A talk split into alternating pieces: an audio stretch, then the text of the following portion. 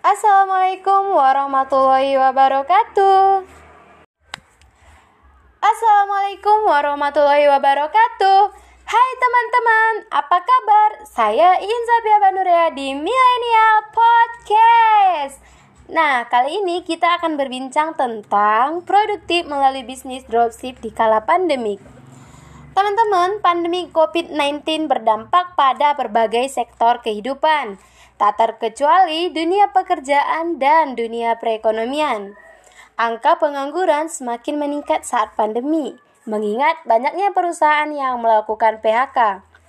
Teman-teman, di kala pandemi ini kita juga harus tetap produktif karena masa pandemi COVID-19 juga memberikan peluang sejumlah bisnis.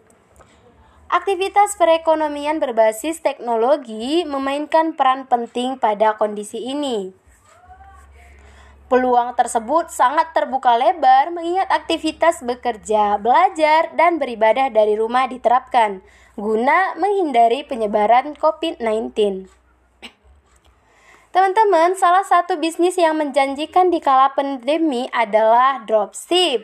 Hanya dengan modal internet, teman-teman bisa mendapatkan uang dari hasil transaksi. Penjualan memakai sistem dropship bisa juga dilakukan dengan sarana media sosial ataupun memanfaatkan marketplace dengan membuat toko online. Nah, teman-teman, jika mendapatkan pembeli, teman-teman bisa menghubungi produsen dan mereka yang akan mengirimkan barang. Artinya, modal bisnis dropship ini ringan. Jika bisnis dropship ini teman-teman lakukan dengan sungguh-sungguh, maka bisnis ini akan menjanjikan kesuksesan. Teman-teman, berikut 5 tips yang harus diketahui agar menjadi dropshipper sukses. Pertama, jangan menjual produk tiruan. Nah, jangan pernah mencoba menjual barang tiruan. Banyak supplier barang yang nekat menjual barang tiruan hingga akhirnya banyak yang tidak bertahan lama. Kedua, memanjakan konsumen. Salah satu alasan kenapa konsumen menjadi langganan adalah karena mereka terlayani dengan baik. Contohnya, membalas pesan chat dengan sopan dan memberikan kemasan yang rapi. Ketiga, pilih produk yang selalu dibutuhkan. Kejelian dalam membaca target pasar harus dimiliki oleh setiap dropshipper yang ingin sukses. Keempat, ambil keuntungan yang kecil. Menjadi dropshipper tidak banyak modal yang dikeluarkan. Nah, teman-teman pun tidak perlu mengambil keuntungan terlalu besar. Ini adalah salah satu cara agar bisnis teman-teman perlahan menanjak sukses. Kelima, berikan diskon untuk pembelian banyak. Teman-teman bisa memberikan diskon mengurangi harga 10% sampai 50% dari total item dengan pembelian di atas 5 produk. Nah, teman-teman itulah 5 tips uh, dari Iin semoga bermanfaat. Tetap produktif walau di rumah di tengah pandemi COVID-19. Oke teman-teman, sampai di sini dulu kebersamaan kita hari ini. Saya Insapia Banurea pamit undur diri. Bye, see you next time. Assalamualaikum warahmatullahi wabarakatuh. Assalamualaikum warahmatullahi wabarakatuh. Hai teman-teman, apa kabar? Saya ingin Sapia Banurea di Millennial Podcast. Nah, kali ini kita akan berbincang tentang produktif melalui bisnis dropship di kala pandemi.